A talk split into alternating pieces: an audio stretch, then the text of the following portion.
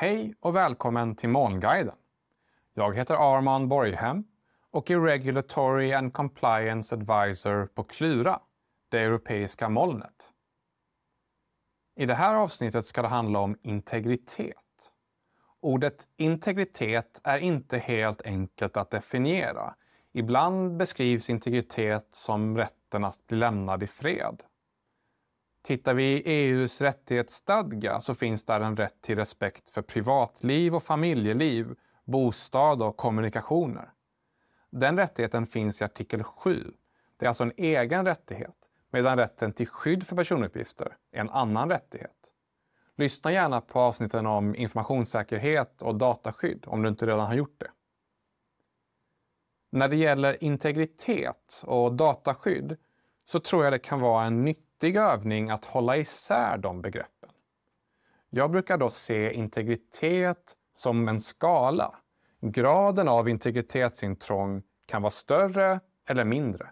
Frågan är då vad som är berättigat och vad som är proportionerligt. Det finns ju ganska stora integritetsintrång som är proportionerliga. Det är ganska självklart att integritetskänsliga uppgifter behöver hanteras inom socialtjänsten, vården och rättsväsendet till exempel.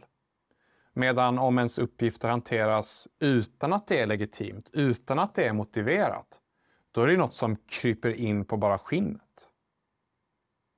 Rätten till integritet är viktig för många andra saker. För att vi ska känna oss trygga i att vi har en privat sfär, för att vi ska våga tänka fritt, för att vi ska våga använda vår yttrandefrihet utan att vara rädda för att det vi säger och skriver ska användas emot oss på ett sätt vi aldrig hade kunnat förutspå.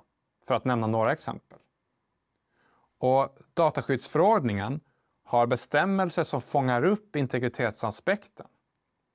Att personuppgifter bara får samlas in för berättigade ändamål och bara behandlas i den utsträckning det behövs för att uppnå de ändamålen.